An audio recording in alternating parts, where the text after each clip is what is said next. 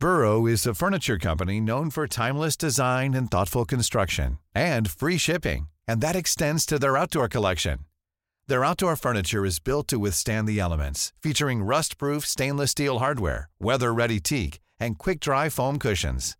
For Memorial Day, get 15% off your Burrow purchase at burrow.com slash ACAST and up to 25% off outdoor. That's up to 25% off outdoor furniture at burrow.com slash ACAST.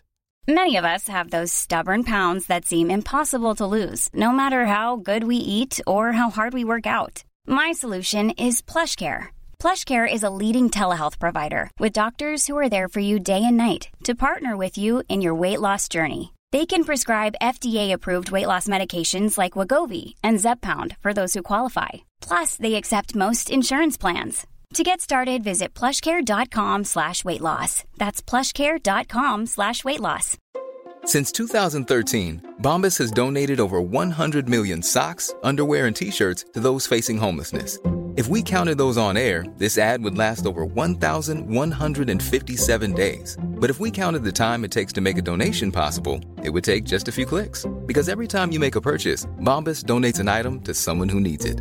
Go to bombas.com slash ACAST and use code ACAST for 20% off your first purchase. That's bombas.com slash ACAST, code ACAST. Pinsevenner og katolikker, er det kristenhetens nye tyngdepunkt? Tore Hjalmar Sævik og meg sjøl, Tarjei Gilje, vi er på plass på hver vår hytte i hver vår landsdel. Og det ser ut som panelet i taket bak oss er fra omtrent samme tidsperiode. Det kan godt eh, tenkes. Vi har jo ikke eh, gjort så, så mye Som undersøkende journalister så bør du kanskje finne ut av sånne, sånne ting hvor det kommer fra, men, eh, men, det har ikke vi gjort så mye for å finne ut. Du sitter i Valdres? Ja, jeg er i Valdres, og du er på, på Kvamskogen. Ja, det her er like mye nedbør her nesten som det er i Bergen, da kan du si. Men det er jo større grad av snø. Nettopp. Ja, her borte er det jo det litt, litt annerledes. Her føler jeg virkelig å være, være i litt annen klimatisk sone enn den jeg vanligvis oppholder meg i. Men det kan jo gjøre godt. Vi har egentlig ferie begge to, men vi syns ikke vi kunne ta pause fra podkastproduksjonen likevel.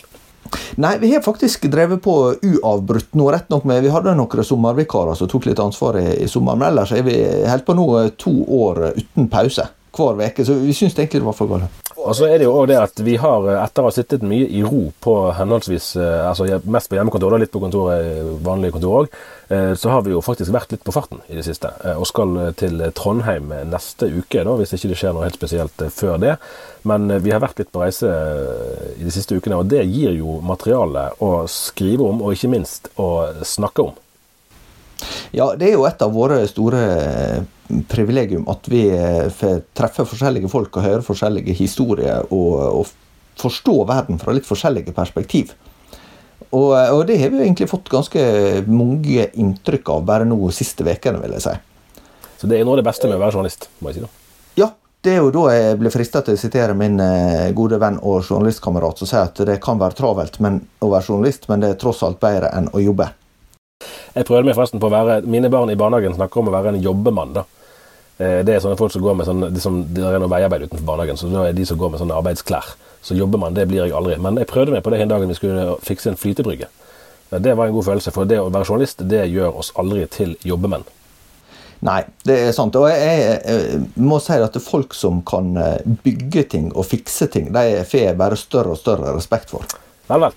Men vi fikk jo i det minste prøvd litt eh, sånn verneutstyr da vi var i Rogaland nå nylig. Det er sant. det er sant. Vi var besøkte Norsk Luthers Misjonssamband sitt nye hovedsenter i Sandnes. Det det er jo faktisk den gamle brannstasjonen. Også veldig gammel. Det var vel ikke mer enn tre-fire-fem år siden den ble tatt ut av bruk da, som eh, brannstasjon. Nei, det stemmer. Og eh, nå er det i ferd med å bli et eh, ganske stort og innholdsrikt eh, misjonssenter. Altså innholds, For den som følger med litt i boligmarkedet, det er jo innholdsrikt det, det adjektivet som står nederst på boligmeglerne sin, sin, liste. Hvis du ikke kan si noe positivt om et hus, så sier du at det er innholdsrikt. men, men, men det, her var det veldig positivt ment. Her var det veldig positivt ment. Og, og det, var, det, var, rett og slett ganske imponerende hva de hadde fått ut av det huset. De hadde jo rett nok brukt 100 millioner på det.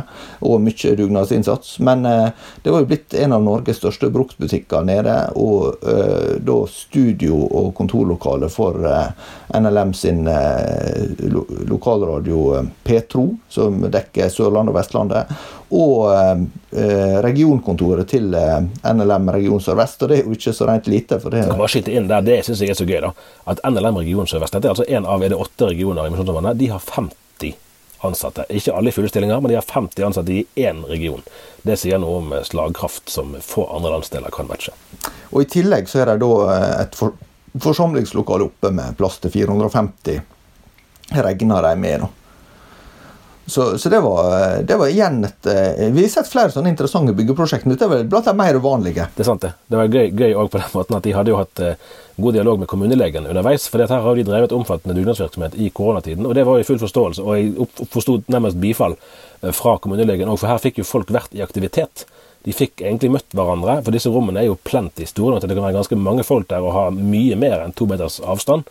Eh, så dermed fikk de jo gjort masse arbeid, og de fikk da kompensert for en del av bortfallet av kontakt som ellers har preget dette året for så mange. Så dette var jo kjempebra for de. Det var nesten sånn han sa han ene vi traff, at det hadde nesten vært litt mye dugnad. For de var, du kan si at hvis du f.eks. skal ha støvsuget rom, og så kommer håndverkerne i morgen og arbeider, så var jo ikke det vits i. Eh, og de nesten har dugnaden nå litt foran eh, håndverkerne. Den problemstillingen er det vel ikke alle som møter hver dag. Nei, og så får en jo eh, i tillegg da utvikla arbeidsmetoder som en kanskje helst forbinder med, med regimet som vi, som vi ikke alltid vil, vil, sammenligne oss med, der folk gikk enveis. Eh, altså, det var såpass regulert da, at, at, eh, at det skulle være forsvarlig. Så det har vært litt interessant å se hvordan dette fungerte i praksis, men det fikk vi anledning til. Ja, det har rett det har rett. Og så var det òg kjekt, eh, i og med at vi har hatt litt eh, Det har vi snakket flere ganger om her òg, om, eh, om, lokal uro i, i Rogaland. Altså politisk uro knyttet til kristne virksomheter. At her hadde det vært veldig godt samarbeid med kommunen. Kommunen hadde sjøl tatt på seg arbeidet med å omregulere denne tomten til forsamlingsarbeid, som òg skal ha For da var det automatisk bensinstasjon, tror jeg, i ytterkant av tomten. Ja, en så, såkalt ubemanna bensinstasjon. eller sånn hele automatisk. Med løpende fortjeneste rett og slett for, for grunneier. Eh, og, og, i det hele tatt veldig godt samarbeid med kommunen i tilretteleggingen. Eh, så det var jo et, en, en, kontrast da til det vi har hørt om fra Stavanger og fra Klepp tidligere i år. Ja. Det er jo også litt eh, interessant at dette havna på Gandal. Eh, som eh, Jeg må jo være litt lokalkjent i, i Rogaland for å, for å, forstå det, men, men Gandal er jo ei slags ja, bygd eller en drabantby litt sør for Sandnes. og Der har NLM ei forsamling fra før, og i tillegg så er da bymenigheten den eneste valgmenigheten Den norske kirke i området. Og så er, er ikke Nordmisjon der også? Med... Jo da, jo da, de er rett ved siden av bymenigheten. De deler vel på lokalet, tror jeg. Ja. Sånn at det, det, det, er ganske tett mellom de kristne tilbudene på Gandal. Men det betyr jo òg at det er et av de områdene der det er ganske mange som oppsøker disse tilbudene, for det er jo da grunnlag for, for alle disse. da. Nettopp. Eh, noen uker før det så var vi altså i, eh, på Sørlandet, eh, både i Lyngdal og i Kristiansand og i Grimstad. Og nå på lørdag, førstkommende, da kommer, kommer den saken som jeg omsider har fått skrevet fra Philadelphia i Kristiansand. Ja, det må, det må, som regel gå fort i journalistikken, men det finnes unntak. Ja, det, det finnes noen unntak. det gjør det. det gjør det. Eh, og Det der er en historie som jeg har hatt lyst til å skrive egentlig i flere år. Vi var jo besøkte de når vi var på denne turneen vår i 2019. Det var jo bare kort innom. Eh, og så var vi innom på nytt for et par uker siden. Og nå har det jo, har det jo vært en god del eh, avisomtale òg av den menigheten det siste året. Det har litt å gjøre med at det har gått skikkelig Altså det har vært en, en økonomisk vanskelig tid med tanke på dette her Q42, altså det store bygget som ble innviet i 2016, som kostet 600 millioner. Eh, det sier jo, altså den, det er jo ikke ofte det bygges bedehus for å si det sånn, i den, i den skalaen. Det er jo leilighetene som vel kostet mest. da. Eh, men det har vært betydelig underskudd i, i, det selskapet som står for driften i flere år, og det, korona har jo ikke gjort de noen tjeneste, for å si det sånn. Eh, og I tillegg har jo det òg vært sånn at studenter ved Universitetet i Agder har ønsket at man ikke skal bruke den store møtesalen med plass til 1350 er det vel, som eh, altså eksamenslokale eller undervisningslokale pga. Eh, det teologiske ståstedet til eierne. Eh, så det har vært store jeg tror det var, altså Dette er jo litt sånn tekniske tall, på en måte, for det var vel 140 millioner som var underskuddet i, altså i 2019, blir vel det. Noe av det handler om avskriving. altså Det er liksom, altså det er ikke likvide midler. Det er ikke, det er ikke, det vi snakker om der. Dette blir litt sånn regnskapsteknisk, det kan jeg ikke så mye om. Eh, men det er ingen tvil om at det har vært betydelige driftsunderskudd år etter år. Sånn at, eh, sånn at 2021 er sikret, men fremtiden er utfordrende for, for den, altså for den kommersielle delen av, av virksomheten. Eh, men jeg ønsket ikke å å stoppe ved det. For det, det er godt kjent at, dette, at det er utfordringer. Men hva er dette her for en sammenheng? Hva er historien til denne menigheten? De har holdt på i 102 år. Filadelfia Kristiansand er en av de, det er kanskje den nest største menigheten pinsebevegelsen har eh, i Norge. Hva slags plass har de i Bibelen? Vi har jo tidligere snakket om at Kristiansand er kanskje den storbyen i Norge der frikirkeligheten relativt sett står sterkest. Og da er jo Filadelfia det som flaggskipet da, i, i Kristiansand. Ja, og så ligger det vegg i vegg med Kristiansand frikirke. Som, ja, rett over altså, veien for Betania, som er i Frie Venner, eller Frie evangeliske ja, forsamlinger. Men, men, men, sånn som så vi fikk vite da vi, vi var der i, i 2019, så har det jo blitt planta var det tolv eh, menigheter i Kristiansandsområdet ut fra Kristiansand frikirke. Så uh, Dette illustrerer jo litt av det med frikirkelighetens plass i Kristiansand, som er, som er veldig spesiell i en norsk sammenheng. For, for i, i, det store bildet er jo ikke Eh, er jo frikirkeligheten i Norge veldig lite sammenlignet med, med mange eh, tradisjonelt protestantiske land. Så, så, det er jo i seg sjøl interessant. Og nettopp det at ei, ei eh, pinsemenighet blir, blir, såpass store og driver ei så omfattende virksomhet som det vi, vi, ser her, midt i bybildet med et signalbygg, er jo, er jo nokså spesielt. Ja, og så er det flere sider. Blant annet fortalte Johan-Viggo Skagestad, en av tre hovedpastorer, at eh, altså de driver jo et omfattende arbeid blant rusmisbrukere. Og det gir jo eh, alltid eh, altså, troverdighet og, og, tyngde når folk tar på seg det krevende arbeidet. Og så, og så, har de jo en del matutdeling, og der er det, jo, det er jo en uheldig ting. altså Pga. koronaen så må køene gå ut av bygget istedenfor at folk er inne i bygget. og Dermed blir det jo ganske synlig Eh, at det er ganske mange folk som da faktisk opplever å trenge mat. Eh, men det får de. Eh, og Frikirken også, det, det, skrev vi jo litt om når vi var der i 2019, driver òg med dette. Det er, jo, det er jo en sånn aha-opplevelse i det moderne Norge. at det faktisk er ganske, Hvis du deler ut mat, så er det faktisk ganske mange mennesker som, som opplever at det har, de, det har, de, behov for. Og Dette her er jo òg en viktig side av pinsemenighetens virke. At de har et diakonalt og et sosialt arbeid som setter spor etter seg, og som har gjort det i mange år. Eh, og det fortjener de virkelig all mulig eh, ros for. Men du, du eh, las jo denne 100-årsboka som kom ut i, 2019 i forbindelse med, med jubileet til Philadelphia. Hva er det som, som overrasker deg? Hva, hva, er det du særlig legger merke til når du leser om historien til den menigheten? Ja, Godt spørsmål, det. Altså, det er jo Jeg prøver å sette meg inn i den, altså Hvilken opplevelse er det de har hatt, de som har stått i dette her. Og Noe av det som, som, jeg tror er viktig å huske på, som vi kanskje glemmer litt, i hvert fall vi som har tilhørt andre kristne eh, sammenhenger, eh, er jo at, at, det å være pinsevenn i Norge eh, var ikke eh, Altså det, det kunne, kunne, komme med en ganske høy sosial kostnad. Sånn, da opplevde man det, det, Ja, det, jeg bare skyte inn her. Jeg husker jeg intervjua i sin tid eh, Jan Otto Johansen, som uh, var jo et veldig kjent ansikt uh, i NRK og som korrespondent fra USA og fra, fra Sovjet og Tyskland. Og, og, var også en som skrev veldig mye og vokste opp i ei sånn pinseluthersk familie. De var formelt pinsevenner, men også engasjert i lutherske organisasjoner. Og, han, eh, han, eh, fortalte om det som, som gikk tilbake til sin barn. Han var vel født i 1935, så vidt jeg husker. Og, og i sin barndom at han ikke skulle være med på kristendomsundervisning, men var ute til liksom, alternativ undervisning på skole, og opplevde at det, det hefta noe ved deg når du var pinsevenn. Du var ikke helt som alle andre. Og han var jo også fra, fra Grenlands, Skien, uh, grenlandsområdet, der frikirkeligheten sto ganske sterkt. Sånn at, det, at dette har vært et slags, slags, stempel en del har opplevd, det, det tror ikke en kommer helt uh, ifra. Nei, og Der er det jo viktig å huske på, det er jo ikke lenger, jeg skal ikke lenger tilbake enn til 2012 før Holocaust-senteret, uh, som vanligvis er mest kjent for å undersøke livsvilkårene for, for, altså, for jødiske minoriteter, derav navnet Holocaust-senteret. Eh, sjekka opp for andre minoriteter. Og da var jo poenget at var, jeg tror det var halvparten av nordmenn oppga at de helst de ville, ville, ikke like det hvis det var en pinsevenn som ble gift, eller som kom inn i, i familien. Sånn at det er fremdeles en sånn mistenksomhet forbundet med, med pinsevenner. Eh, og da er det så fascinerende da synes jeg, å se på sånn De har jo åpenbart blitt grepet av noe. Det, det høres en susen av pinse på ny, var et sånn slagord eh, som ble brukt tidlig på 1900-tallet.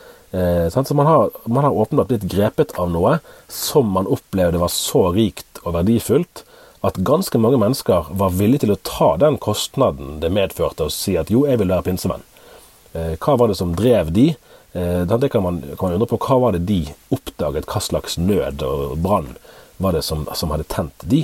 Og det, det, forteller jo Philadelphia sin historie litt om. Men så er det jo òg et, et, skritt inn i vår egen tid som jeg syns er ganske interessant. og det er jo at eh, det er jo ikke noe tvil om det at det er jo særlig dåps, altså voksendåp, som det blir kalt fra luthersk hold, eller troendes dåp, som pinsevenner og papister sjøl kaller det. Det var ett kjennetegn. Men ikke minst var det jo tungetale og tydning som ble en sånn Det var ikke nødvendigvis det som egentlig var hovedsaken til Barrat, altså pinsebevegelsens far i Norge. Eh, men, men, det var det som ble et sånt kjennetegn for pinsebevegelsen. Og det, og det kan jo høres åpenbart høres rart ut. Det, alle som har hørt tungetallet, eh, kan jo eh, det, sette seg inn i det. Man, men, men, det går, går, jo litt tilbake til den, den uh, forståelsen av second blessing som en uh, snakker om i uh, ja, som kom, kom, fra de, de, miljøene som etter hvert inspirerte pinsebevegelsen. Delvis metodistisk og delvis hellighetsbevegelse i USA, som, som, var en tanke om at du skulle gjøre erfaring som kristen, der du ikke bare var kommet til tro på Gud, men at en skilte mellom frelsen og gaven. Eh, og, at, og at dette var Det, ble på en måte en sånn eh, ekstra dimensjon ved troslivet, sterkere erfaringer. Og den, og den, bevisstheten den bevisstheten vil jeg si finnes der ennå, selv om hvis man er på led, sant, som er smittebevegelsens store årlige ledersamling, der har jeg vært tror jeg, seks eller syv ganger. Der er jo tungetallet helt fraværende fra scenen. Jeg tror ikke jeg har hørt det nesten noen gang. Eh? Og det er jo noe sånn interessant, hva, hva, er det som skjer da, når en bevegelse der dette har vært et av varemerkene, den, den, ser ut til å, å ikke være like opptatt, i hvert fall, Eh, av det som, som før. Og så er pinsebevegelsen såpass stor at den Jeg har prøvd liksom å, å, systematisere man, man, kan si Du har liksom Salt og Hillsong, som er liksom de mest moderne da, i uttrykket, retningene. Eh, og så har du masse pinsemenigheter som er, helt, altså, veldig, som er som et bedehus, egentlig, i uttrykksform. Eh, og så har du da imellom de, hvis du kan si ytterpunktene, det er ikke helt riktig å kalle det ytterpunktene, kanskje, men, men ok. Eh, så har du jo storbymenighetene, Filadelfia-kirken i, i Oslo, som har sin egenart. Eh, og da Filadelfia Kristiansand, som på en måte kanskje er hakket mer typiske for en tradisjonell eh, pinsemenighet fra sin tid enn flere av, av de andre eh, menighetene.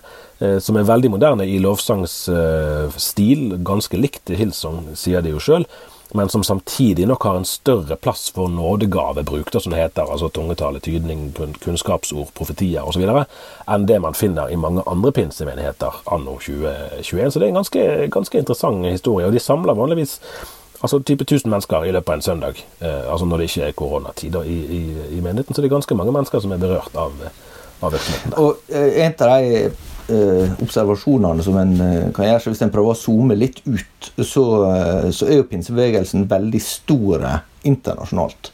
Eh, og, og, og eh, enten en ser på, på eh, amerikanske forhold, eller enda mer på det globale sør, så er jo det den pinsekarismatiske kristendommen som virkelig vokser. Og, og, som har hatt ja, helt ufattelig vekst til dels i, i Sør-Amerika, i Afrika og, og, til dels i Asia. Men, men dette er jo også en stor familie av trossamfunn. Så, så, så, det, du, det du skisserer med, med skillelinjen, eller liksom en viss kategorisering i Norge. Det, det vil en jo også se internasjonalt. Dette er jo, er jo eh, løse strukturer som henter inspirasjon fra litt forskjellig, men har noen noe kjennetegn og noe, et preg. Og Derfor er det jo vanskelig å telle, fordi at, eh, fordi at eh, en del av liksom pinsekarismatiske retninger vil jo være det vi i Norge vil nesten vil kalle for trosbevegelse pluss, pluss, pluss. Ja, sånn at, sånn at det, det, var som en, en jeg, jeg kjente fortalte fra, fra Etiopia, eh, tror jeg det var, der noen hadde oppholdt seg i nærhet av det som heter Gospel Light Church og hørte på lydnivå og ellers hva som foregikk der inne, så lurte på hvordan, hvordan høres det da ut med full gospel church. Dette er gospel light. Etter min mening og etter min erfaring så må du ikke bare være en god musiker for å lede lovsang. Det du trenger, det er jo å være en som kan lede andre. Fra høsten av oppretter vi et helt nytt studium for deg som ønsker å bruke musikk aktivt i tjeneste. bachelor i musikk, menighet og ledelse. Hvis du liker å jobbe med mennesker, har Asker høgskole i Kristiansand flere spennende studier. Finn ut mer på ahs.no. En bevegelse som derimot har en tydeligere, i hvert fall sånn ytre sett, en tydelig struktur, det er jo den katolske kirke. Ja, der er det mye struktur. Der er jo mye indre, et stort indre spenn der òg, og de har jo enda mange flere medlemmer. Det er jo verdens klart, klart, klart største kirke i antall medlemmer. Um, og den, der finner, Jeg opplever sånn i hvert fall at uh, det finnes en ganske sånn utbredt jeg vil nesten si katolsk allergi uh, hos mange tradisjonelle norske protestanter. Uh, sånn at ja, det har vært en, en, økumenisk åpning på mange måter, men katolikker det er det er mange ennå som er ganske mistenksomme overfor. Men ja, ja. det er òg en fornyet nysgjerrighet, og det finnes jo faktisk Det overrasket meg litt når jeg sjekket det i bok, Ola Kjørom sin bok 'Kirkesamfunn i Norge' fra 2018, tror jeg det var, 2017-2018, at det faktisk finnes kanskje 15 000-20 000 norske katolikker. altså En ting er at det kan være mange polakker, og etter hvert blir jo de værende, sant? formodentlig mange av de, så det begynner å bli en betydelig størrelse. Det er sannsynligvis flere katolikker enn det er pinsevenner i Norge. Ja, det er det jo ganske sikkert. og og etter hvert fastboende. Men det er òg ganske mange norske katolikker. Og det har jeg ikke vært så klar over. Nei, nå, Bakgrunnen for at vi er pensa over på det, er jo at jeg har vært og intervjua en som eh, har blitt katolikk, og kona som trolig var i ferd med å bli det. Og så kan en lure på ja, skal dagen intervjue alle som blir katolikker. Nei, eh, det skal vi ikke. Men, men litt, det ville vært veldig mange. Det ville blitt veldig mange, selv om kanskje eh, antallet konvertitter er ikke så høyt. hvis den, altså Eh, Iallfall blant mer sånn høyprofilerte. Da. Men, eh, men eh, det som var interessant her, er at dette var et par som begge har jobba som prester på, på Sunnmøre. De er egentlig fra Hordaland, men har jobba som prester på Sunnmøre i nesten 30 år. Nå pensjonister. Det oppsto søt musikk under hebraiskstudiene? Ja, tenk på det. Da de studerte hebraisk i Bergen. Så, Vil du være med på hebraiskforelesning? Ja. ja. men, men, det interessante er at eh, kona, som heter Evig Kvamsdal, hun var jo den første kvinnelige prosten i eh, Møre bispedømme. Eh, og hun teller på knappene, sånn som jeg forstår henne, da, at hun tror hun kommer til å konvertere, som Hinnamann mann gjorde i 2017, eh, var det vel. Men det, han heter Svein eh, Eidsvik Kvamsdal. Og det som Nå kommer jeg snart til poenget, som enkelte litt omstendelige mennesker kan si. Det er at han rett og slett er i ferd med å bli katolsk prest. Eh, som de fleste kjenner til, så er jo eh, det i utgangspunktet krav om sølibat for katolske prester. Men det finnes unntak, og det er allerede eh, fire norske prester som har fått innvilga det. Så han er ikke historisk i den forstand. Men det er spesielt så vidt jeg veit eh, Jeg kjenner til, til, eh, til, kvinnelige teologer som har konvertert, men at det er kvinnelige prester i Den norske kirke, og til og med en som har vært prost konvertert til Den katolske kirke, det kjenner iallfall ikke jeg til. Og de hadde ganske sånn interessant eh, betraktning rundt hvorfor vei hadde gått dit. Det var jo han Svein da som var mest Eh, eh, han har jo tatt det valget, så han har jo mest å si om det, naturlig nok. Men, men eh, det gikk jo på en opplevelse av at det var en større fylde av den apostoliske tru, sånn som han uttrykte det, og at han, han opplevde å komme inn i et større univers. Um, og også et mer internasjonalt preg. og På den andre sida er han nok blant de som er veldig bekymra for den læremessige utviklingen i Den norske kirke, der det blir mye opp til den enkelte prest hva han skal stå for. Så jeg var og besøkte dem i Volda, der de fortsatt bor, selv om de er blitt pensjonister nå. Uh, og um, det er jo sånn at jeg, jeg tror dette her er litt uh, er jo betraktelig mindre følsomt som du sier, det var for en del år siden. Da pave Johannes Paul var på besøk i Norge i 1989, så var det jo eh, ikke alle biskoper i Den norske kirke som eh, eh, ville møte han da. En eh, meldte avbud fordi han skulle til tannlegen.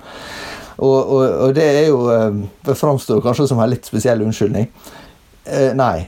så, så, så det er jo et helt annet klima. Det, og det er vel mitt inntrykk også blant eh, dagenlesere at det er mindre eh, ømfintlig å, å, å, ha kontakt med eh, Eller forståelse for at andre velger å bli katolikker. Men det er klart at her ligger ganske sterk og Det var jo han Svein Kvamsdal også inne på, at han var jo sterkt antikatolsk sjøl.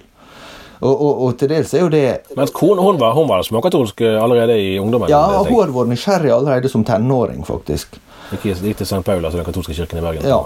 Men, men, men, men, det er jo sånn at, at uh, i en del av, av uh, i lavkirkelige miljø så har en sett på, på den katolske kirke som uh, måtte skjøge Johannes' åpenbaring, og, og, og, og vært veldig altså at det har vært Ikke bare ut fra sånn kulturell avstand, og sånn, men at det har vært teologisk veldig stor avstand og, ja, i sentrale teologiske spørsmål. Og, og jeg, syns det, det, er litt sånn utfordrende her med, med, hvordan vi skal arbeide med det teologisk. For en kan ikke late som at disse uenighetene ikke er der.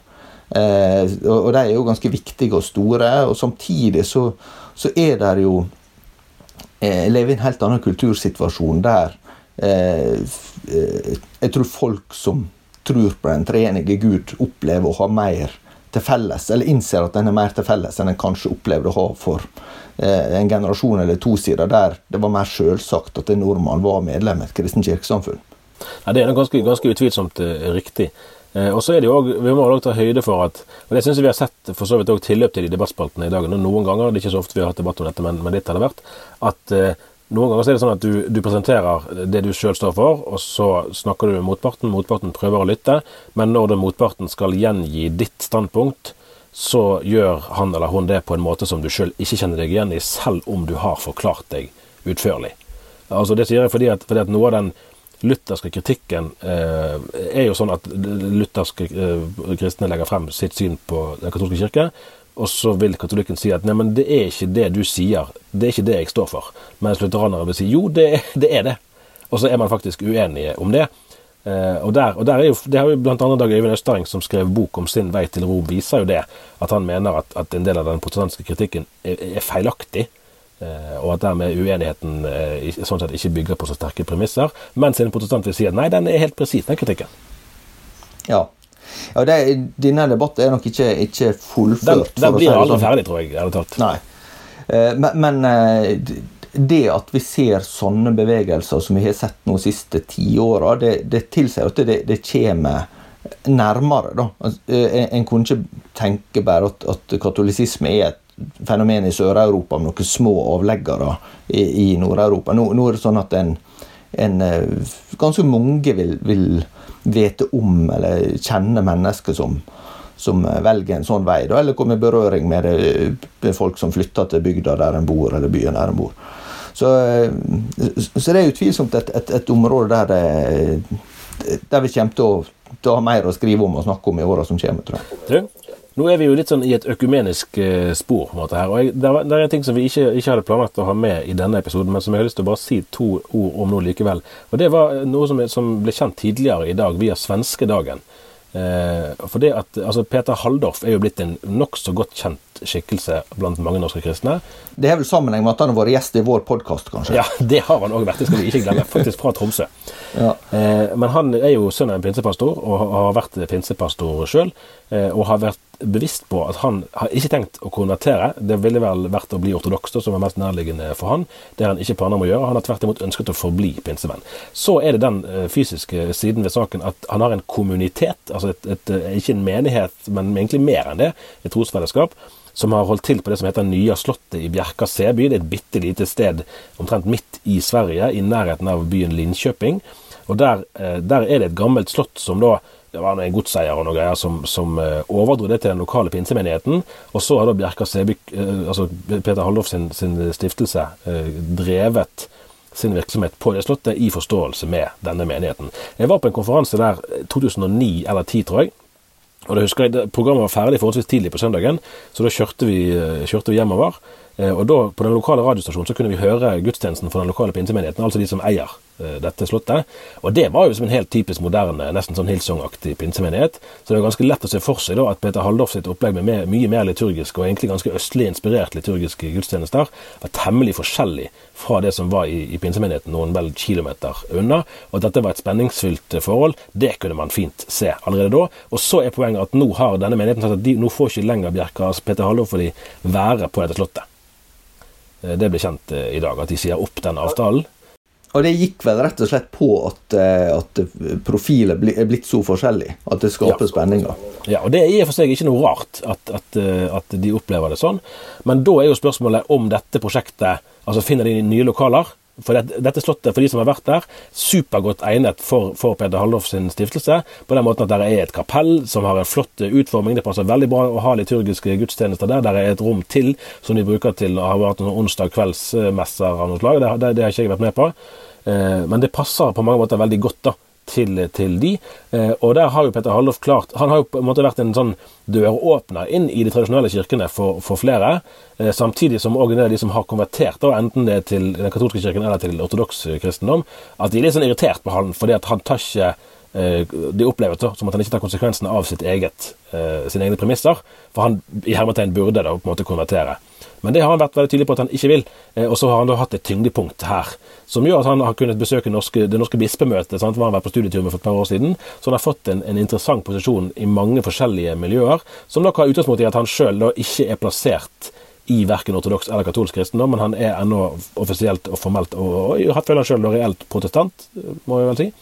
Eh, og så får vi da se, når denne avtalen da ryker, hva skjer da med det økumeniske prosjektet som han har drevet i mange år.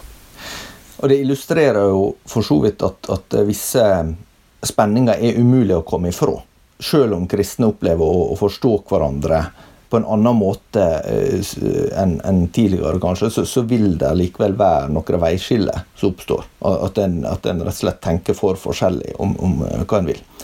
Og det, og det, var derfor, det var det som var litt av altså, Når vi snakket om denne episoden kunne ha overskriften at, altså, om, om eh, katolikker og pinsevenner er det nye tyngdepunktet, så, så altså, i norsk kristenhet vil jo Den norske kirke i overskuelig fremtid være det desiderte tyngdepunktet når det gjelder antall medlemmer.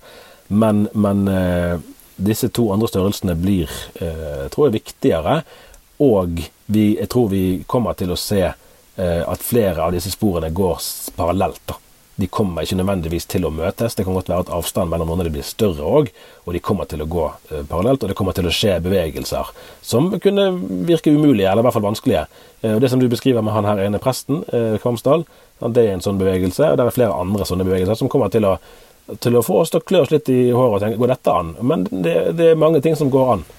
Det var også, Jeg tenkte jeg skulle nevne det til slutt nå, at eh, noe av det ekteparet Kvamsdal eh, påpeker, var at det er flere familier etter hvert i, i Volda, der de bor, eh, området, så, så søker de til Frikirka, altså den evangelisk-lutherske frikirke, i stedet for å engasjere seg i Den norske kirke. Selv om de ikke nødvendigvis melder seg ut. Og Der, er er en sånn tredje trend som jeg tenker er litt, litt interessant. for det som som eh, Jeg hadde nå denne veka en reportasje fra Ulsteinvik frikirke, som, som er ei eh, relativt nyplanta menighet i, i, i den evangelisk-lutherske frikirke, som, som eh, oppsto ut ifra altså De var veldig nøye på at de ville ikke starte den som en protest mot Den norske kirke, men at de ønska et annet type trosfellesskap som var tettere på livet, og som var mer eh, hadde et mer nært, eh, intimt eller uformelt preg, og med, med særlig vekt på familie.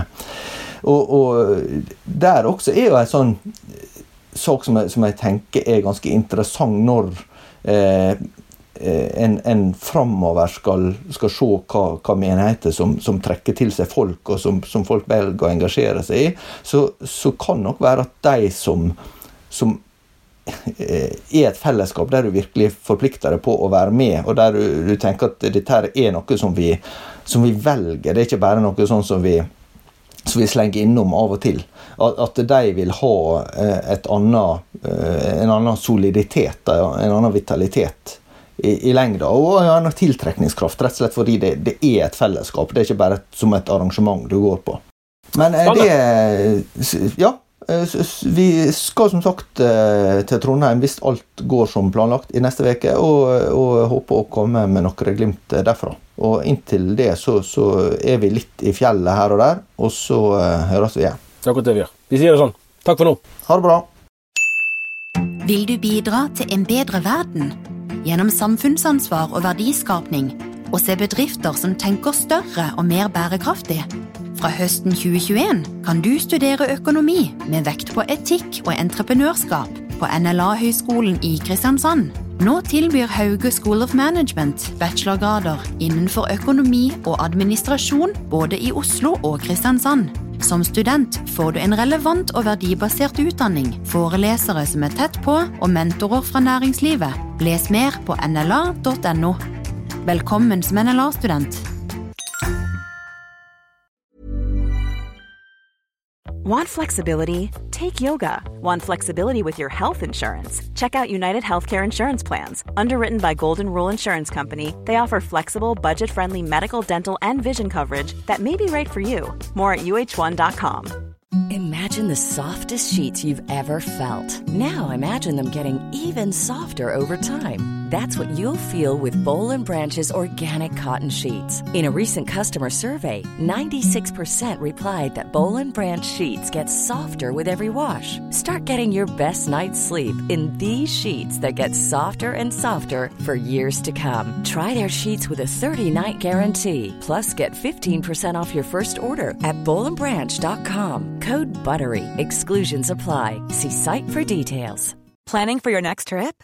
Elevate your travel style with Quince. Quince has all the jet setting essentials you'll want for your next getaway, like European linen, premium luggage options, buttery soft Italian leather bags, and so much more. And is all priced at 50 to 80% less than similar brands. Plus, Quince only works with factories that use safe and ethical manufacturing practices. Pack your bags with high-quality essentials you'll be wearing for vacations to come with Quince. Go to quince.com slash pack for free shipping and 365-day returns.